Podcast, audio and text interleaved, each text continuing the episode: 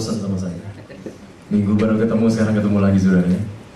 Nah saudara, uh, saya akan menyampaikan sesuatu yang basic, sesuatu yang mendasar. Mari buka Alkitab kita Matius pasal 6. Ini yang Tuhan taruh untuk saya sampaikan pada rumah doa malam hari ini. Matius pasal 6 ayat 25 sampai ayatnya yang ke-34.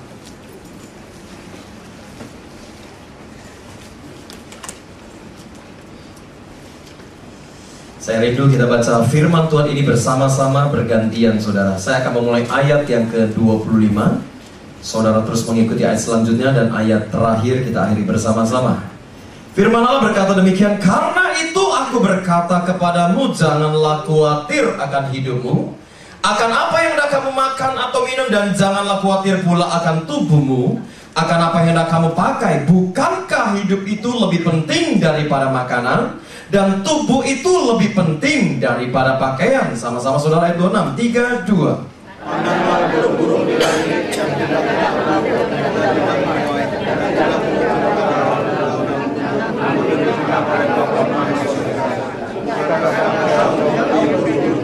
Siapakah di antara kamu yang karena kekhawatirannya dapat menambahkan sehasta saja pada jalan hidupnya? Dan mengapa kamu khawatir akan pakaian? Perhatikanlah rumah kampung di ladang yang tumbuh tanpa pekerjaan dan tanpa meminta. Namun aku berkata kepadamu, Salomo dalam segala kemegahannya pun tidak berpakaian seindah salah satu dari bunga itu. Jadi jika dari alam dan dari rumput di ladang yang hari ini ada dan besok dibuang ke dalam api, tidak akan terlebih lanjut dari kamu, hai orang yang kurang percaya. Sebab itu janganlah kamu khawatir dan berkata apakah yang akan kami makan, apakah yang akan kami minum, apakah yang akan kami pakai. Semua itu dicari bangsa-bangsa yang tidak. Akan tetapi Bapamu yang di surga tahu bahwa kamu membutuhkan semuanya itu. Tetapi carilah dahulu kerajaan Allah dan kebenarannya, maka semuanya itu akan ditambahkan kepadamu sama-sama. Sebab itu janganlah kamu khawatir akan hari besok, karena hari besok mempunyai kesusahannya sendiri Kesusahan sehari cukuplah untuk sehari Katakan amin Saudara perhatikan baik-baik ayat firman Tuhan ini saudara Saya percaya Bapak Ibu di tempat ini sudah sering kali mendengar perkataan tentang khawatir Misalnya saudara sedang punya persoalan, tiba-tiba gembala saudara kunjungi saudara dan mulai mendoakan saudara dan mulai berkata, "Bu, jangan khawatir ya. Pak, jangan khawatir. Pokoknya Tuhan sanggup memberikan jalan keluar. Saudara sebenarnya khawatir itu apa saudara? Dan kenapa kecenderungan manusia itu sering kali mereka khawatir? Perhatikan baik-baik. Khawatir adalah gejolak hati kita. Karena kita menanggapi satu persoalan yang mungkin menimpa dalam kehidupan kita. Khawatir itu sebenarnya satu reaksi, satu sikap hati kita karena kita memikirkan sesuatu yang akan menimpa kehidupan kita dan biasanya sesuatu yang akan menimpa kehidupan kita adalah sesuatu yang negatif. Itu arti kata khawatir. Saudara jujur kalau kita mau perhatikan hari-hari ini di mana-mana orang sedang dikuasai oleh kekhawatiran, ya. Banyak orang khawatir akan masa depannya. Mereka khawatir nanti bagaimana rumah tangganya, khawatir akan kesehatan tubuhnya, khawatir akan masa depan anak-anaknya. Orang kaya punya kekhawatirannya sendiri, orang miskin punya kekhawatirannya sendiri. Hamba Tuhan full timer juga punya kekhawatirannya sendiri. Tetapi malam hari ini Yesus berkata, janganlah kita khawatir. Katakan amin. Amin.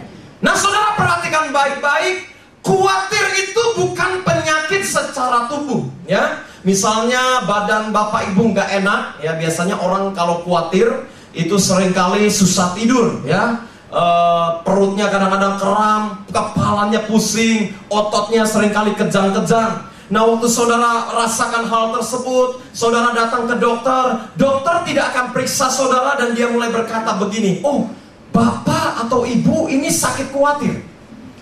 Nih, saya bukan resep dokter, tebus di apotek, minum obat kuatirnya, maka kuatirnya sembuh. Kuatir itu bukan penyakit secara tubuh, tapi perhatikan baik-baik. Kuatir punya satu potensi yang sangat kuat. Oleh karena kekhawatiran kita, tubuh kita ini bisa menjadi sakit. Yang mengerti katakan amin. Nah saya akan bagikan tiga poin malam hari ini. Kenapa Tuhan Yesus mengajarkan kita jangan kita khawatir. Hal yang pertama.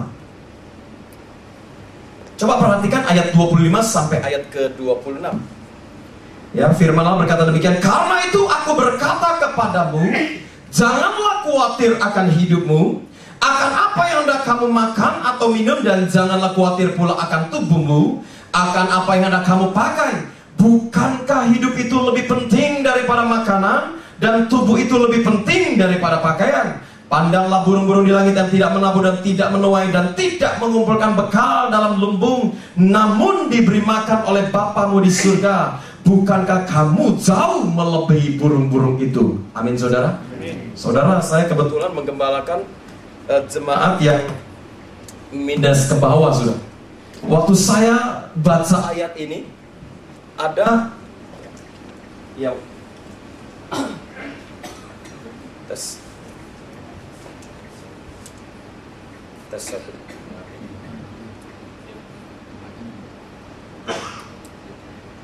habis baterai tes satu tes ya apa apa sudah. Tes mati semua. Tes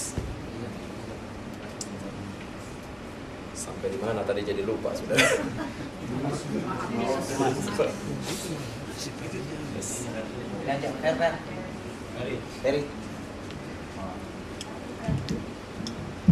Ya, puji Tuhan. Nah, saudara, waktu saya bacakan ayat ini, saudara, uh, burung di udara aja Tuhan pelihara. Ada jemaat yang komplain, Pak, burung kan nggak bayar kontrakan. Wah ini cilaka 12 kalau jemaat udah ngomong begini saudara. Sidang bu nanti selesai khotbah ibu bicara empat mata dengan saya. saudara, kenapa Tuhan mengajarkan kita jangan khawatir? Firman Allah berkata kita lebih berharga dari seekor burung. Amin saudara. Amin. Nah saudara perhatikan baik-baik saudara. Ini tandanya saudara dengan saya adalah orang yang sangat penting di hadapan Tuhan. Amin. Orang yang sangat penting di hadapan Tuhan dalam setiap badai persoalan apa pun yang kita alami percaya Tuhan tidak izinkan kita bergumul sendiri. Amin saudara. Tuhan tidak izinkan saudara dengan saya menyelesaikan setiap masalah yang kita hadapi. Karena poin pertama, kita adalah orang yang penting di hadapan Tuhan. Orang yang penting di hadapan Tuhan itu pasti dikasih oleh Tuhan. Selama kita hidup yang namanya masalah itu pasti ada, saudara. Di mana masalah sudah tidak ada? Kalau saudara mau tahu masalah sudah tidak ada, kalau saudara berjalan di rumput yang hijau ada gundukan tanah, di atasnya ada patok dan ada tulisannya telah berpulang ke rumah Bapa di surga. Nah di bawah itu masalah udah nggak ada saudara. Selama saudara dicubit masih sakit, itu tandanya kita masih hidup dan selama kita masih hidup masalah pasti akan terjadi dalam hidup kita. Amin saudara? Nah saudara saya mau bersaksi saudara. Mungkin saudara pernah lihat kesaksian saya ini di antv saudara. Ini kejadiannya sudah empat tahun saudara. Saya pun sudah lupa kalau pernah saya mengalami musibah ini. Tanggal 22 April 2007 itu hari Minggu, saya ingat betul. Saya diundang khotbah di bahasa Mandarin di kota, saudara dua kali ibadah uh, ibadah sorenya saya cancel karena mata saya itu seperti bola api tiba-tiba merah saudara dari pagi. Nah paginya saya mau cancel udah nggak bisa karena tinggal satu setengah jam mau ibadah saya berkata nanti jemaat sangkain saya sakit mata saya berkata. Nggak apa-apa pak. Bapak pakai kacamata hitam khotbah juga nggak apa-apa. Waduh saya bilang. Gua kalau khotbah pakai kacamata hitam tanggung lo kasih tongkat satu atau tikar gue keliling dah Nah saudara, udah pak, udah nggak bisa cari pengganti, udah bapak khotbah, yang sore nanti kita cari. Oke, saya khotbah, selesai sore nggak ada perasaan apa apa, tidur seperti biasa. Waktu itu istri saya baru melahirkan anak ketiga tahun 2007. Saudara malam hari tiba-tiba jam 2 pagi telepon di rumah saya berdering saudara, bunyi saudara. Ya, saya sengaja taruh di ruang tamu, di kamar itu handphone semua di silent dan uh, satu wireless yang ada di samping uh, meja rias sudah. Waktu telepon itu bunyi, tiba-tiba saya bangun, saya perhatikan jam 2 malam. Ini siapa lagi, jemaat mana lagi yang sakit, saya berpikir saudara. Ya, kadang-kadang kalau jadi gembala itu nggak enak saudara. Apalagi maaf kata kita melayani orang-orang minus, itu handphone itu kadang-kadang jujur aja. jam 3 pagi ditelepon ya memang saya ada nomor pribadi yang saya kasih ke pengerja ya kalau udah urgent nggak apa-apa telepon aja karena jam 4 sakit kita harus maaf kata datang ke rumah sakit gesekin kartu kredit segala macam karena mereka maaf kata minus-minus semua. Saya berpikir ini jemaat mana lagi yang sakit? Ada problem apa lagi? Saya bolak balik badan saya nggak mau angkat itu telepon. Males rasanya. Tuhan saya berkata capek Tuhan badan Tuhan. Jam 2 pagi nih Tuhan. Telepon itu nggak berhenti. Berdering saudara. Di tengah saya males-malesan saudara saat itu saya mendengar satu suara yang sangat-sangat audible, saudara. Sampai bulu kuduk saya merinding. Ya, suara itu berkata begini, bangun, angkat telepon, toko kamu terbakar. Tuh, saya kaget, saudara. Suara siapa? Saya perhatikan istri masih tidur. Dan suara itu laki-laki, nih cerita masih merinding, saudara. Saya dengan gemeter angkat itu telepon dan waktu saya bilang halo, itu pegawai saya yang perempuan namanya Esther. Pak, tolong Pak. Loh, kenapa ini siapa? Ini Esther pak. Pak kami di lantai dua terkepung api pak tujuh orang pak. Tolong pak kunci nggak tahu siapa yang pegang di bawah api sudah besar pak. Kami mati sebentar lagi terpanggang dua orang sudah pingsan dan dia telepon pakai handphone saudara. Saya berkata ya namanya jam 2 pagi orang masih ngeheng saudara bangun tidur ya. Siapa yang terbakar? Toko siapa? Toko bapak terbakar. Tolong pak. Kami sebentar lagi akan terpanggang hidup-hidup. Saya begitu shock saudara. Itu telepon langsung jatuh uh, saya langsung bahasa roh, oh Tuhan Yesus tolong Tuhan. Istri saya tiba-tiba bangun. Kenapa nih? Toko kita kebakar nih. Ya ampun, ya ampun Tuhan Yesus. Istri saya panik saudara. Baby masih kecil waktu itu, baru lahir sebulan. Aduh, aduh saya gelagapan. Saudara jujur, saat itu saya cuma pakai celana pendek, pakai kaos singlet saudara. Ya, dan tiba-tiba saya langsung keluar pintu kamar, saya ambil itu kunci saudara. Ya, saya pakai helm, untung pakai helm saya nggak masuk mobil, kan lucu saudara, pakai helm masuk mobil. Untung masih waras gitu sih. Saya langsung naik sepeda motor pakai kaos singlet doang, pakai celana pendek, ya. Dan saya nggak sadar kalau saya ini pendeta aslinya saya keluar, mantan pacinkonya keluar sudah. Karena mantan pacinko dulu di Mangga Besar sudah. Ya, dan langsung saya oper gigi satu bahasa hurraba syandaraba saya ngebut saudara hari itu saya buta warna lampu hijau eh, lampu merah semua kelihatan hijau saudara saya ngebut sambil bahasa roh di tengah perjalanan saya bilang begini dari Sunter ke tempat kerja uh, tempat usaha saya di, belakang ITC Sempak Kamas. Saya bilang begini, Tuhan biar apinya cepat padam Tuhan. Tolong hambamu Tuhan. Tolong ya Tuhan Yesus. Ini harta satu-satunya saya berkata. Nah saudara akhirnya saya sampai di tempat itu, saya ingat persis 4 menit saudara. Waktu sampai di sana pegawai saya shock lihat saya. Pak, kok bapak udah sampai? Tadi kan baru tutup telepon. Gue juga bingung kenapa gue sampai cepat ini. Ya nggak tahu lagi sudah. Saat itu saya nggak peduli lagi itu tempat usaha terbakar Blangwir 19 unit saudara. Ya karena tempat tempat usaha saya cukup besar ruko dua lantai. Ya uh, puji Tuhan kami posisi lebih tinggi sekitar 5 meter dari rumah penduduk posisi rukonya. Ya jadi penduduk di bawah kita. Nah saudara saat itu saya cuma bertanya satu semua udah keluar belum ya dua orang pingsan pak sudah digotong kita pecahin kaca dan lewat genteng tetangga segala macam Saudara saat itu di tengah pegawai sudah keluar semua, saya duduk di depan toko, saudara. Saya nggak sadar saat itu sudah ada 30 pengerja saya ada di situ. Ya, karena dari Ampera ke tempat kerja itu uh, dekat sekali mereka naik motor. Bayangin saudara, gembalanya di gereja keren banget Hari itu celana pendek lagi saudara, seksi gitu saudara.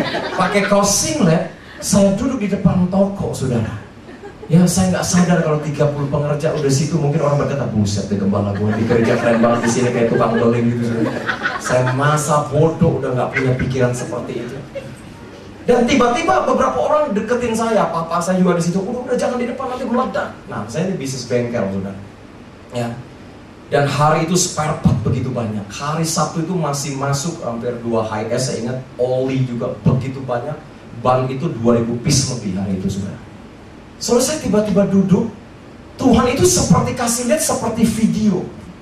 16 tahun yang lalu waktu saya rintis bengkel ini saudara. Dari gaji saya 50 ribu. Ya, dari gaji 50 ribu saya ikut orang punya modal saat itu cuma 3 juta 750 ribu dari saya kontrak tempat yang sangat kecil cuma 2 meter kali satu maaf kata orang sering kali belanja godain kok ini bengkel apa toilet ya tapi bengkel itu mengandalkan Tuhan terus berkembang, berkembang, berkembang. punya puluhan pegawai sudah dan termasuk tiga besarnya Jakarta Pusat. Tetapi apa yang saya rintis 16 tahun dalam waktu tiga jam rata dengan tanah tidak ada sisa sedikit pun saudara. Saya nangis hancur hati. Saya berpikir Tuhan habis. Saudara orang kalau bisnis bengkel itu kita maka kata jarang itu ada uang untuk dideposito maupun ditabung saudara. Sedikit sekali lah. Biasanya kalau barang lagi turun, ada barang murah, kita ambil sebanyak-banyaknya, kita stok di gudang atas, saudara. Jadi harta kita, tabungan kita itu di pada saat itu. Itu kalau orang bisnis bengkel, saudara. Ya, karena kalau naik itu bisa sampai untung 50% kalau melonjak tinggi. Nah, saudara tiba-tiba seorang pendoa sahabat saya deketin saya bilang gini, Pak, saya antar pulang. Ya. Saat itu saya tinggalkan sepeda motor saya dan saya diboncengin pulang, saudara. Itu saya ingat saya cuma nyender dia itu mata saya saya tempelin di pundak dia saya udah nggak peduli nggak malu sudah saya ingat itu, itu mungkin bukannya hanya air mata tapi air hidung itu meleleh di badan dia sudah dan satu susah nangis hancur hati ya. Dan saya ingat sebelum saya diboncengin sepeda motor saya nggak menyalahkan Tuhan cuman waktu saya melihat tempat usaha saya terbakar seperti itu satu perkataan dari mulut saya keluar seperti ini Tuhan kenapa Tuhan Pelayanan hambamu sedang kau angkat ini. Hamba sedang dipercayakan melayani HMC di mana-mana. Tuhan, kenapa ya Tuhan seperti ini? Sebentar lagi semua akan disita oleh Tuhan. Kita nggak akan punya apa-apa lagi.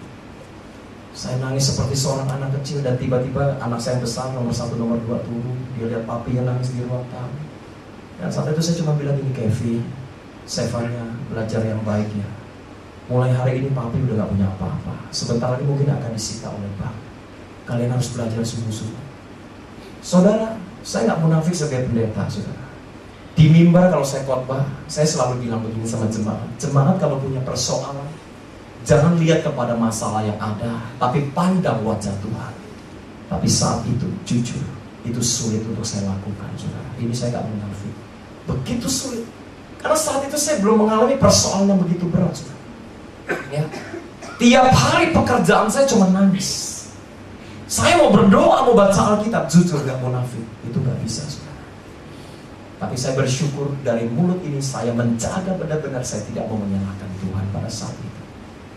Di tengah kondisi seperti itu, maaf kata, penghakiman sering kali datang itu bukan di luar gereja Tuhan. Tapi penghakiman sering kali datang justru di gereja Tuhan. Waktu saya mengalami musibah kebakaran, begitu banyak suara sumbang, saudara. Itu Pak Minarto ada dosa. Masa pendeta bisa kebakaran? Wah, itu saudara, pendeta bisa kebakaran. Pendeta juga manusia, saudara.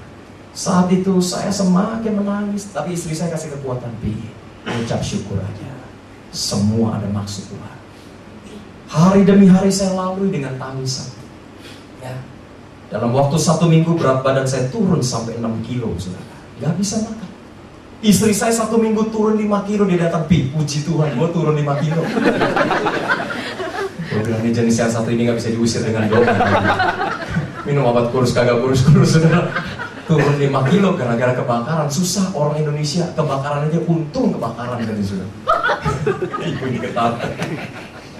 Saudara, saudara, hari kedua saya jual mobil, saudara Waktu mau jual mobil, aduh berat banget. Tuhan masa gue mesti khotbah naik motor sih Tuhan.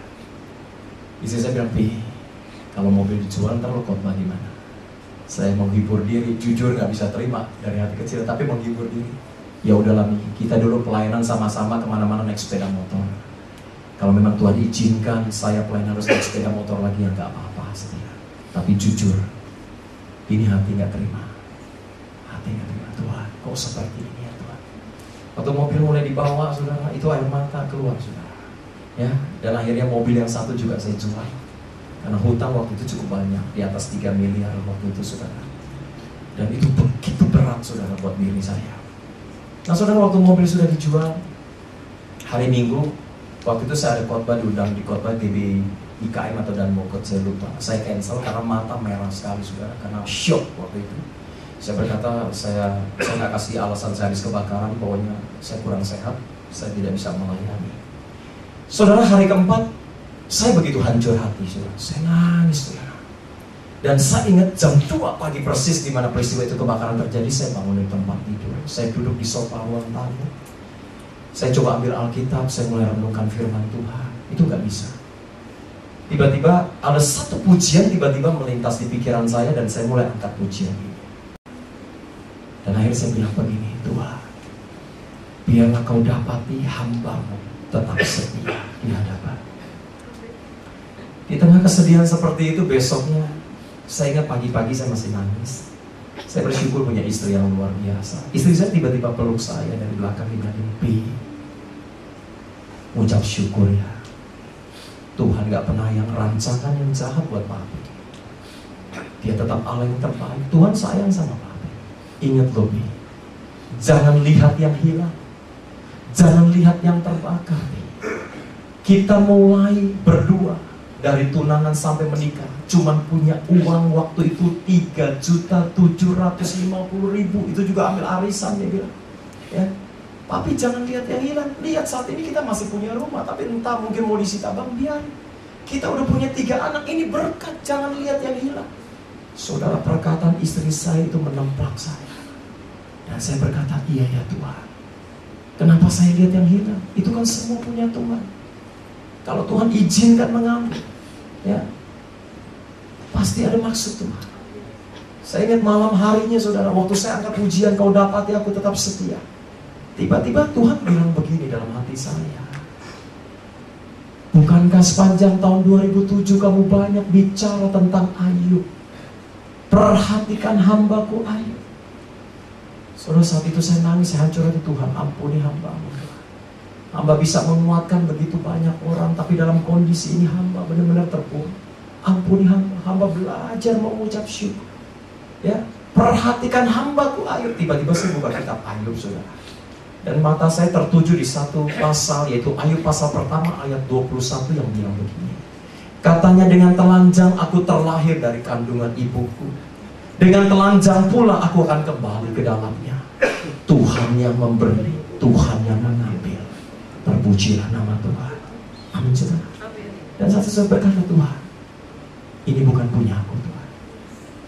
Aku terlahir tidak bawa apa-apa. Suatu hari aku pulang juga nggak bawa apa-apa. Dan akhirnya hari kelima kami mulai bisa mengucap syukur. Saya kumpulkan anak-anak saya. Kita mulai nyembah mesbah lagi. Dan kita mengucap syukur Tuhan terima kasih. Kalau engkau izinkan ini terjadi, aku percaya ada maksud yang indah. Hal yang paling membuat saya begitu sakit saat itu, saudara. Tiba-tiba orang Madura datang, saudara. Pengen kilo ini itu part. Bangkainya itu 17 truk besar, saudara. 17 truk engkau besar.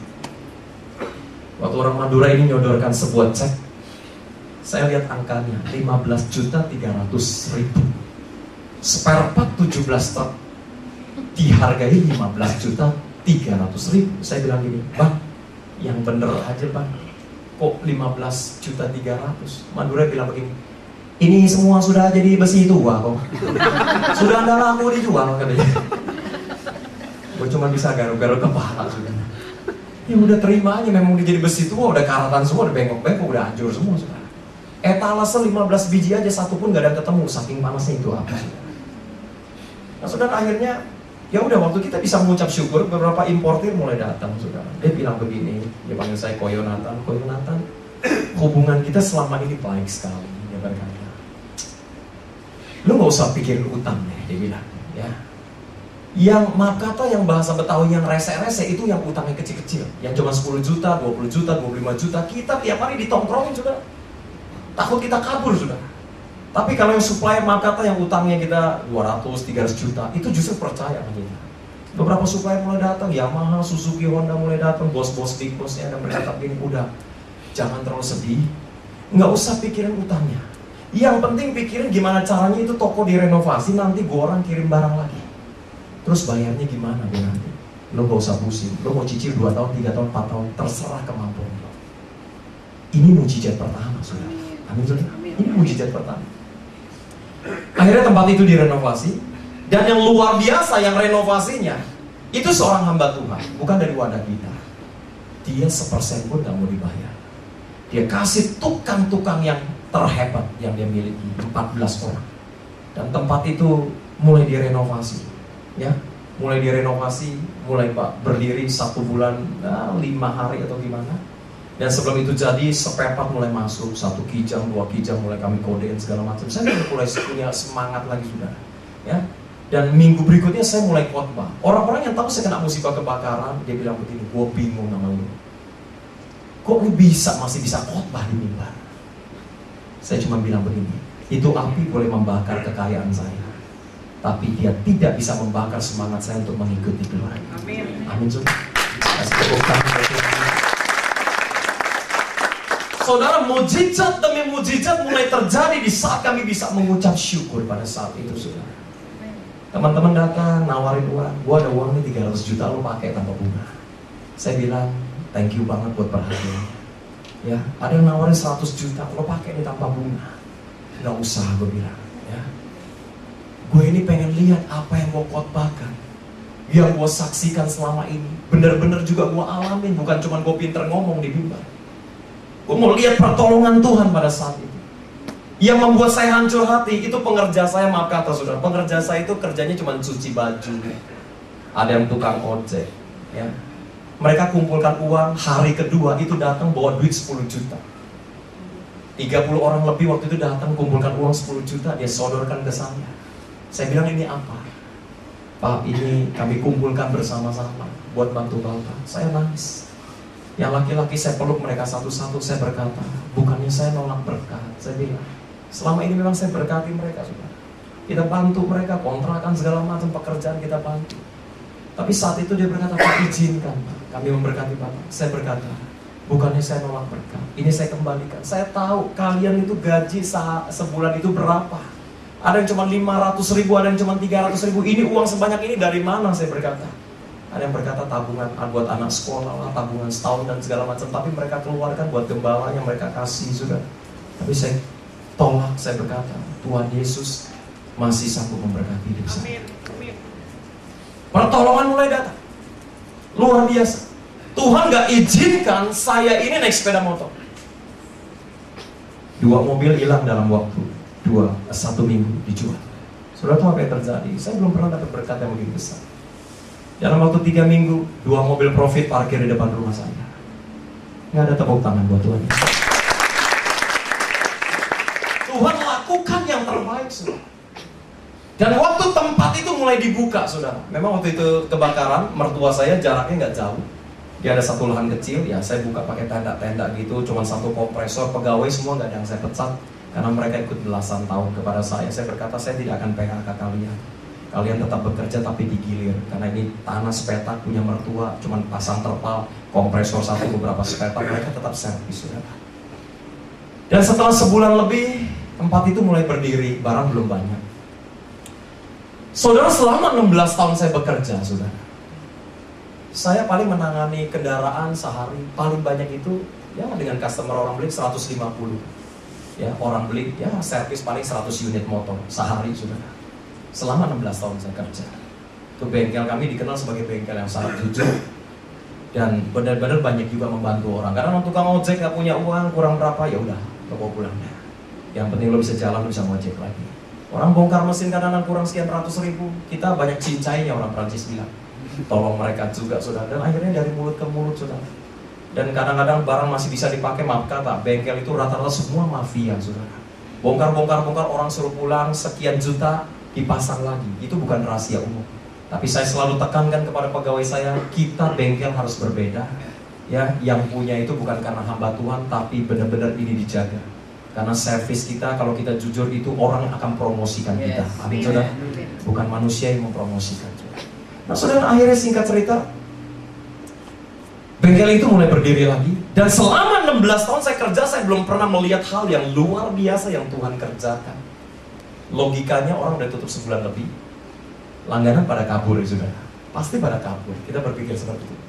Tapi hari itu sudah, saya ingat saya keluarkan tiga faktur bon, artinya 300 lembar saudara. Itu manusia yang belanja seperti semut sampai semua pegawai termasuk diri saya nggak sempat makan siang sampai sore hari dan sampai hari ini terus diberkati. Kasih tepuk tangan Saudara, dalam hidup ini Tuhan tidak pernah menjanjikan hidup kita tanpa masalah. Perhatikan perkataan ini. Dia tidak pernah menjanjikan, oh bisnismu akan baik-baik. Usahamu akan baik, keluargamu akan baik, tubuhmu akan selalu sehat, hubungan suami istri akan selalu baik.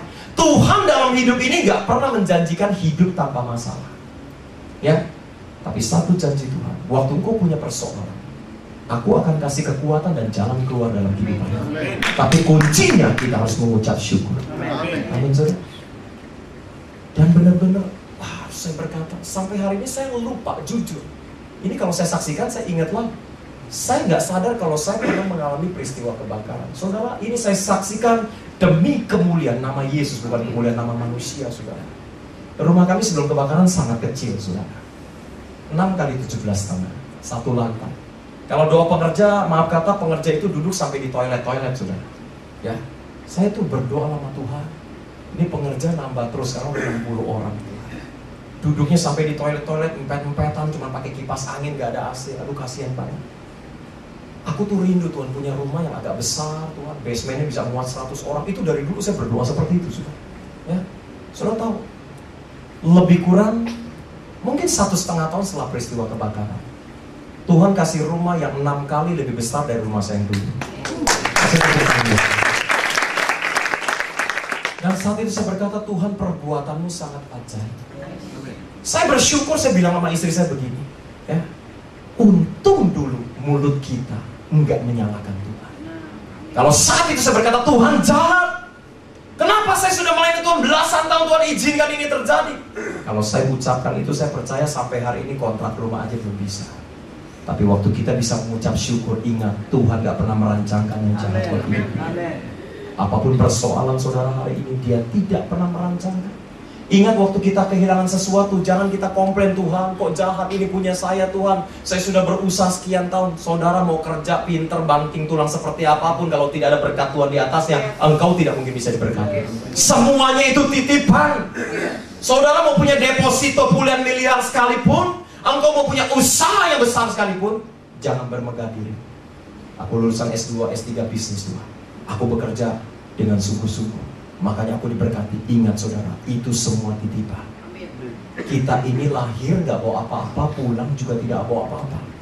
Makanya ada pujian yang begitu indah, judulnya datang kosong pulang kosong. Pernah dengar nggak itu pujian? Pernah dengar nggak? Itu lagu keren banget sering dinyanyiin di gereja kita. Masa nggak tahu saudara? Ku tak membawa apa pun juga datang kosong kan?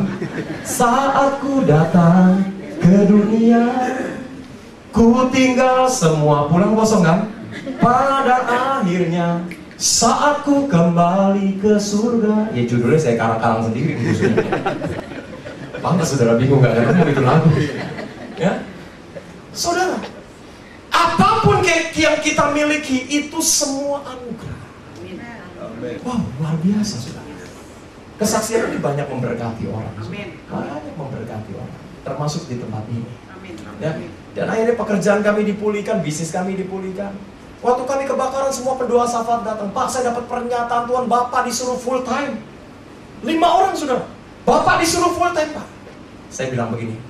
Itu kan kata lu. Gue kalau nggak dengar sendiri dari Tuhan, gue nggak berani. Ya, jangan sembarangan sendiri. Ini pelayanan butuh dana yang besar. Jemaat maaf kata, pelayan Tuhan maaf kata. Setiap bulan kita minus sudah. Tapi hari ini berkat Tuhan itu terus mengalir ya. Dan mereka berkecukupan. Kalau Tuhan nggak bicara langsung saya nggak mau nekat full time. Karena banyak full timer juga nganggur maaf ya saudara. Lebih baik kita full heart amin? Ya.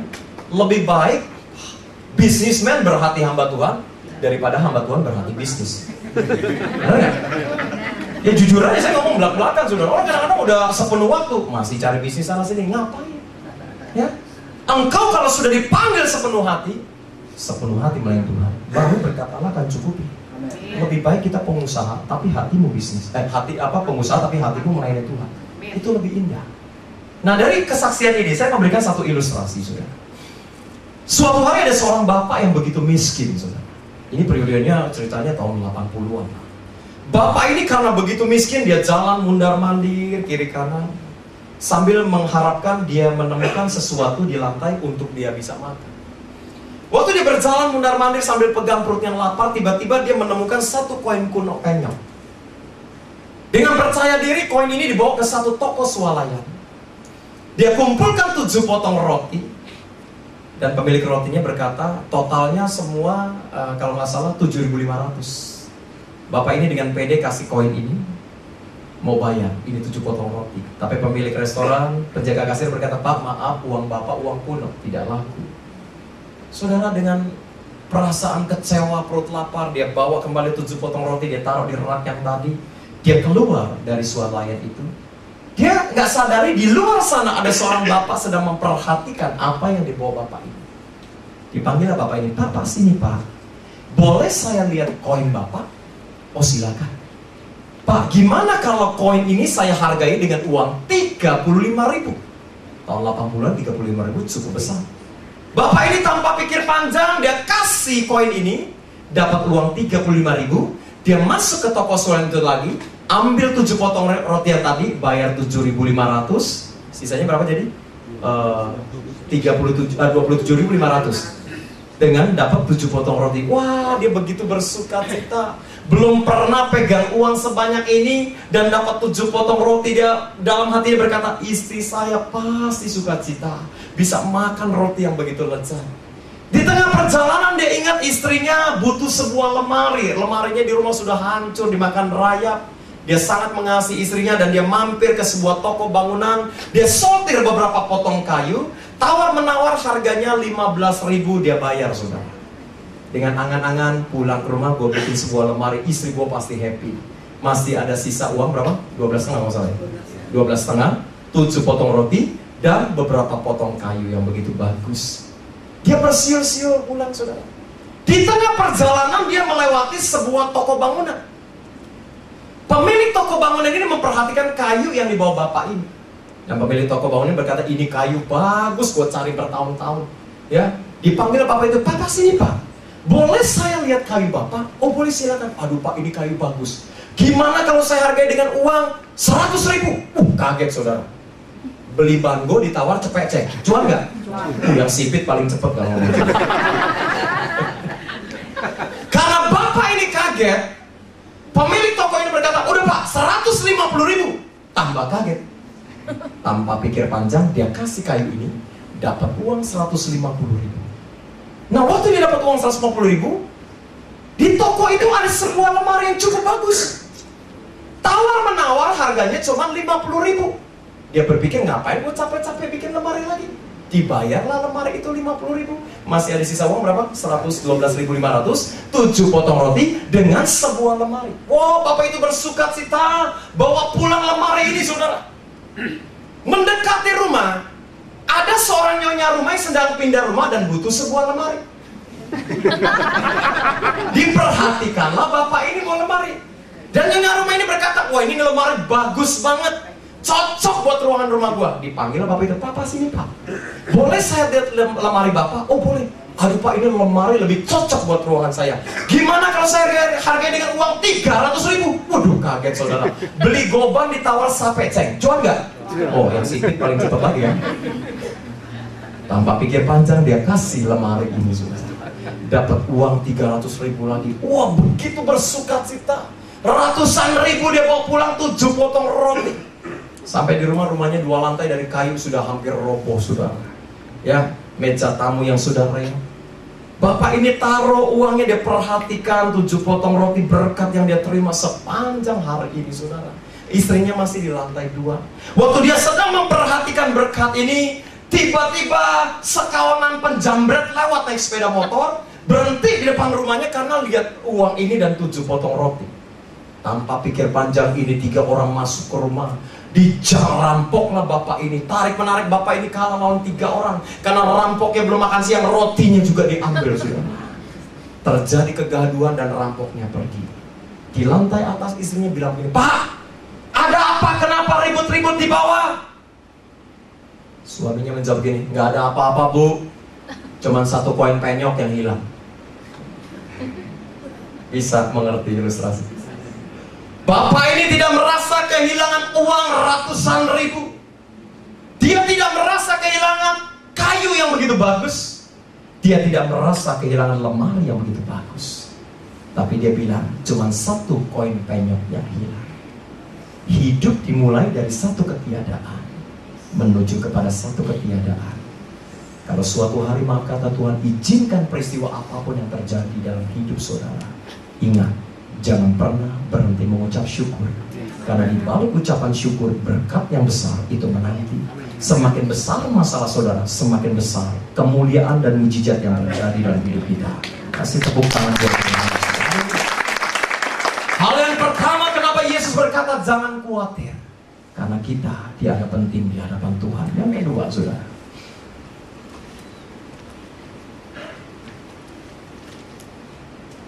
Yang kedua perhatikan ayat 27. Siapakah di antara kamu yang karena kekhawatirannya dapat menambahkan sehasta saja pada jalan hidupnya?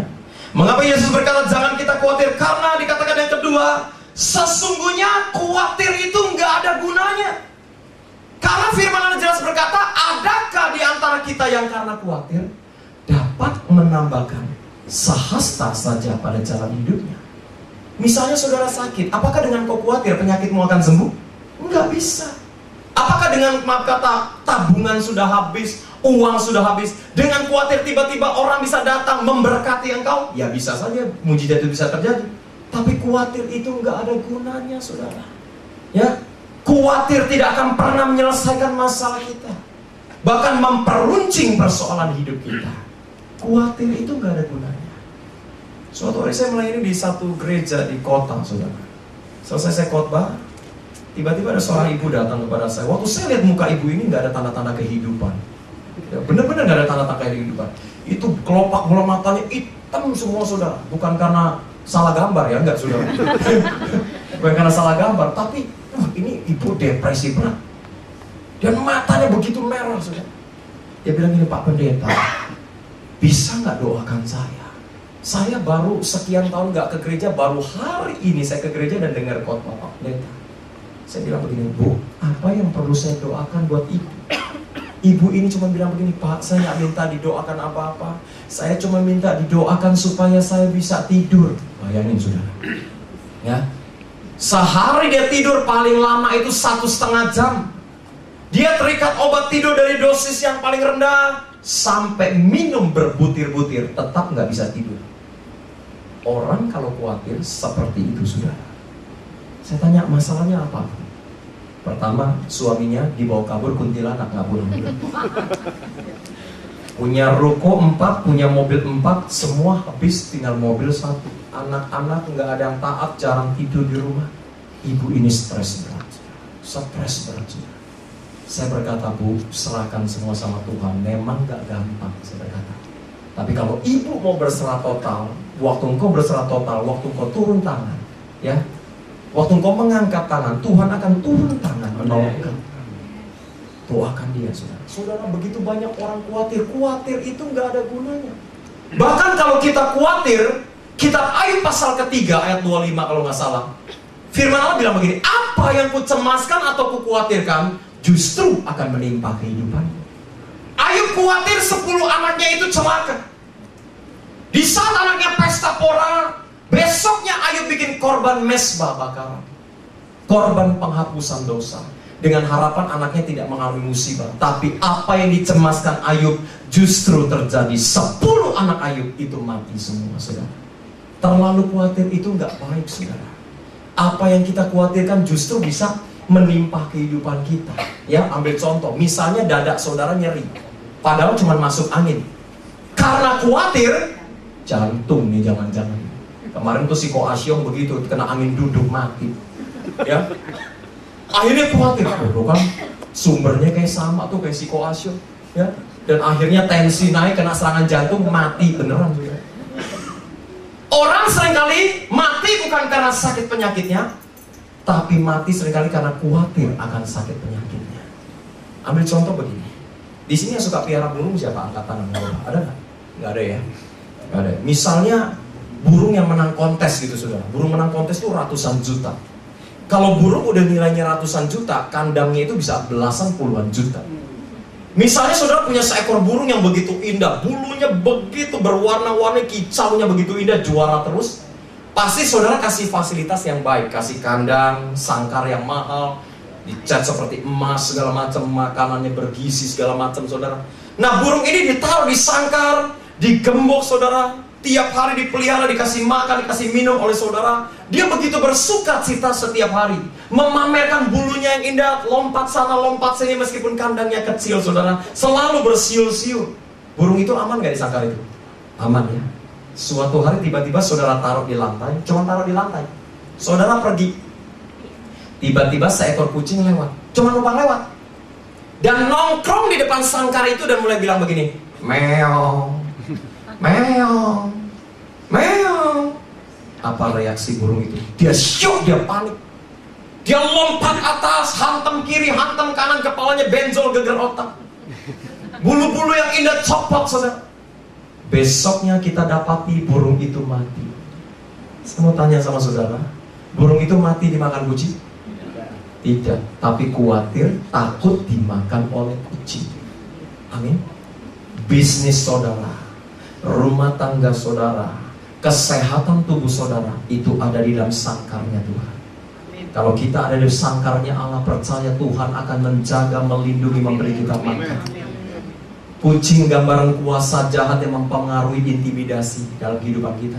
Tapi kalau kita ada di sangkarnya Tuhan, hidup kita itu pasti dipelihara oleh Tuhan. Kasih tepuk tangan oleh Tuhan. Kenapa kita diminta jangan khawatir? Sesungguhnya khawatir itu nggak ada gunanya. Khawatir tidak akan bisa menyelesaikan masalah kita. Ya, coba kiri kanan, jangan khawatir lagi ya. Amin saudara. Sekali lagi kasih tepuk tangan buat Tuhan Yesus. Ya. Selanjutnya yang terakhir saudara. Perhatikan ayat 34. Sebab itu janganlah kamu khawatir akan hari besok Karena hari besok mempunyai kesusahannya sendiri. Kesusahan sehari cukuplah untuk sehari. Itu yang ketiga. Kesulitan sehari cukuplah untuk sehari. Hari besok itu urusannya Tuhan. Kenapa yang ketiga Yesus berkata Jangan kita khawatir saudara Biarlah kesulitan sehari cukuplah untuk sehari Saudara, kalau saudara dengan saya mau khawatir, setiap hari bisa dijadikan alasan untuk khawatir. Kenapa? Namanya masih hidup itu masalah persoalan pasti ada, saudara. Gak mungkin gak ada. Itu baru bangun tidur aja kadang-kadang persoalan udah ada, saudara. Ya, kalau kita khawatir berkelebihan, itu alasan apa pun bisa menjadikan kita ini benar-benar khawatir, saudara. Khawatir itu gak ada gunanya. Kesulitan sehari Cukuplah untuk sehari-hari besok. Itu urusannya Tuhan. Di Timur Tengah ada seorang wanita bernama Fatima. Saudara. Saya kalau khotbah suka kasih ilustrasi dan kesaksian supaya saudara fresh. Amin. Jangan cuma teori doang gitu saudara. Fatima itu sangat cantik. Saking cantiknya, dia susah dapat jodoh. Nah ini repot. Orang kelewat cantik susah dapat jodoh, apalagi kelewat jelek. Gitu. Makanya jadi manusia tuh biasa-biasa aja lah saudara. Lobang hidung dua, udah alhamdulillah ucap syukur gitu saudara. Ya, udah jangan aneh-aneh dalam hidup ini. Ya, apalagi ibu-ibu gitu. Udahlah, terima apa adanya. Jangan diukir-ukir, alis bagus-bagus dikerok, gambar pemandangan ke atas. Ya, udah terima apa adanya saudara kita ini diciptakan serupa segambar dengan Allah. Amin. Ya, saya pernah sampai mendoakan seorang ibu sampai nggak bisa doa sudah dapat holy laughter. Gara-gara itu si ibu keroknya terlalu habis, gambarnya terlalu tebal. Dia dilawat Tuhan, begitu dia dilawat Roh Kudus dia nangis, oh Tuhan Yesus, Yesus itu blepetan semua sudah. Waktu saya tumpahkan dia putih lana. Kita nggak bisa doa lagi dapat holy laughter. Doanya gue nggak tahan gue bisa ketawa itu cemong semua saudara ibu udah dapat laughter juga saudara Fatima anak tunggal. Orang tuanya bisnisnya pembuat tali. Benar ya? Meskipun dia anak tunggal dan cantik dia rajin membantu orang tuanya untuk buat benang. Suatu hari orang tua bilang gini Fatima kita mau ke Alexandria, ke Timur Tengah. Kamu ikut papa mama, sambil jual benang dengan harapan nanti di sana kamu dapat jodoh sambil menyelam minum air, gitu. Ya.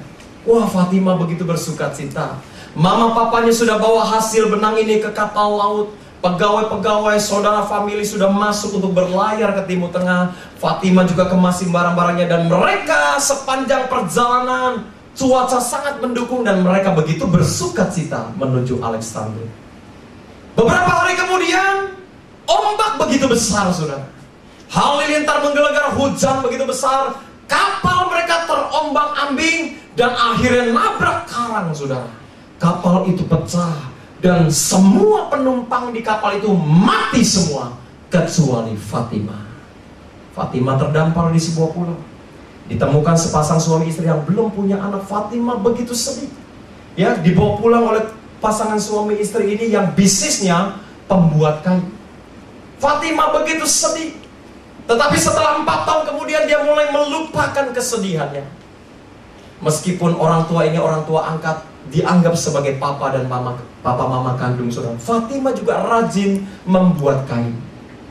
Suatu hari di tengah dia sudah melupakan orang tua kandungnya, dia berjalan-jalan di pinggir pantai, saudara. Sambil nyanyi-nyanyi kecil, menari-nari kecil. Di tengah dia begitu bersuka cita, sekawanan perompak alias bajak laut itu lewat. Fatimah diculik, saudara. Dipisahkan dari orang tua kedua. Waduh, Fatimah diculik. Tadinya udah senang-senang dia diculik. Dia sedih lagi, saudara. Nah salah satu keluarga perompak itu pasangan suami istri yang juga belum punya anak. Istri bilang gini, Pak, Fatimah itu cantik, jangan dijadikan budak. Udah, kita angkat sebagai anak angkat kita. Ya, jangan dijadikan budak ya Pak. Akhirnya suami dengar, dijadilah Fatimah itu sebagai anak angkat mereka. Ini orang tua ketiga, bisnisnya pembuat tiang. Fatimah juga melupakan kesedihannya karena orang tua ketiga ini begitu mengasihi dia dan dia rajin buat tiang. Suatu hari orang tuanya bilang gini, Fatima, kita mau ke Cungkuo. Kamu ikut papa mama, papa mama mau jual tiang di sana dengan harapan lu ntar di sana dapat andilau gitu dapat yang sipit-sipit nggak apa-apa. Fatima begitu bersuka cita, kemas barang-barangnya, orang tuanya ikut, semua saudaranya ikut, barang-barang dikemas yang mau dijual mereka berlayar dengan sukacita. Tiba-tiba di tengah perjalanan terjadi lagi ombak begitu tinggi, halilintar menggelegar, kapal mereka karam, nabrak karang, pecah, semua penumpang mati semua kecuali Fatimah. Apa sih Fatimah? Apa sih? Fatimah terdampar di Cungkuo, saudara. Saat itu Cungkuo punya satu mitos. Kalau ada orang asing terdampar di Cungkuo, maka Cungkuo akan diberkati. Terdengarlah di telinga kaisar. Fatimah dipanggil. Waktu itu Cungkuo masih primitif, dan lagi rame-ramenya buat tenda, saudara. Fatima dipanggil. Fatima, kamu orang asing? Iya. Ya. Kamu bisa buat tenda nggak? Bisa, Kaisar. Baik, kamu buat tenda, bikin saya bangga. Pertama, Fatima minta tali. Cungkuo masih primitif, tali nggak tahu. Kaisar nggak tahu tali. Karena orang tua pertama ngajarin bikin benang, Fatima buat tali. Setelah tali jadi, Fatima minta kain. Cungkuo juga nggak tahu kain apaan. Karena orang tua kedua ngajarin bikin kain, Fatimah buat kain. Setelah tali jadi, kain jadi, Fatimah minta tiang. Apalagi tiang. Kaisar nggak tahu tiang apa Fatimah. Karena Kaisar nggak tahu, Fatimah buat tiang. Akhirnya Fatimah membuat tenda begitu indah di seluruh Tiongkok. Kaisar terkagum-kagum akan Fatimah.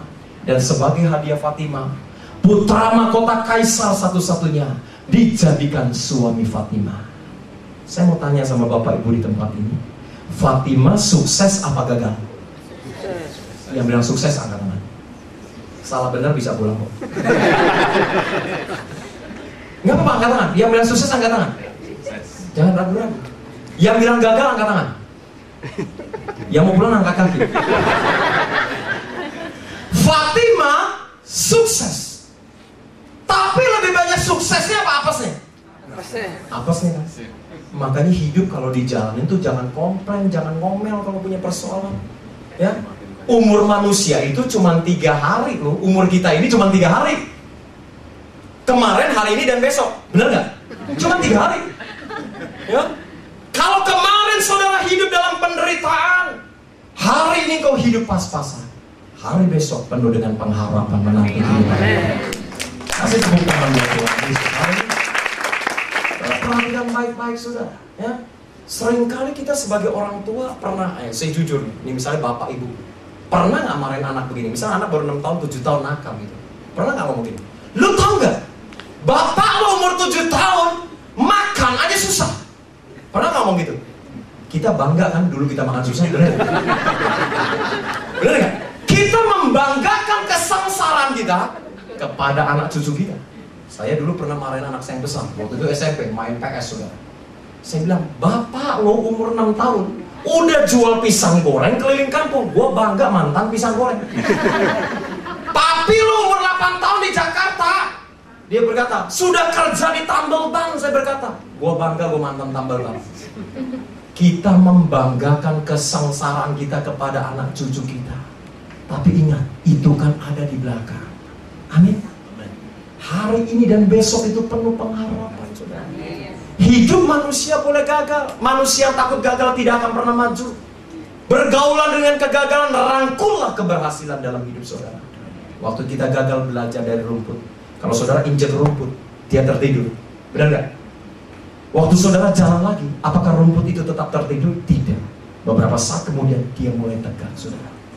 Kalau hari ini engkau mengalami diizinkan ujian terjadi, mungkin kegagalan demi kegagalan terjadi, ingat, hari besok segudang pengharapan ada di depan kehidupan kita. Kenapa Tuhan berkata jangan kita khawatir? Biarlah kesulitan sehari cukuplah untuk sehari. Hari besok itu urusan Tuhan. Saya rangkum firman Tuhan ini. Tiga poin ingat perkataan firman Tuhan dari Tuhan Yesus. Kenapa kita diminta jangan khawatir? Yang pertama karena saudara dengan saya dianggap penting. Yang kedua khawatir nggak ada gunanya tidak akan menambah sahasta saja pada jalan. Dan yang ketiga, biarlah kesulitan sehari cukuplah untuk sehari. Hari besok urusannya Tuhan. Amin. Mari kita bangkit berdiri sudah.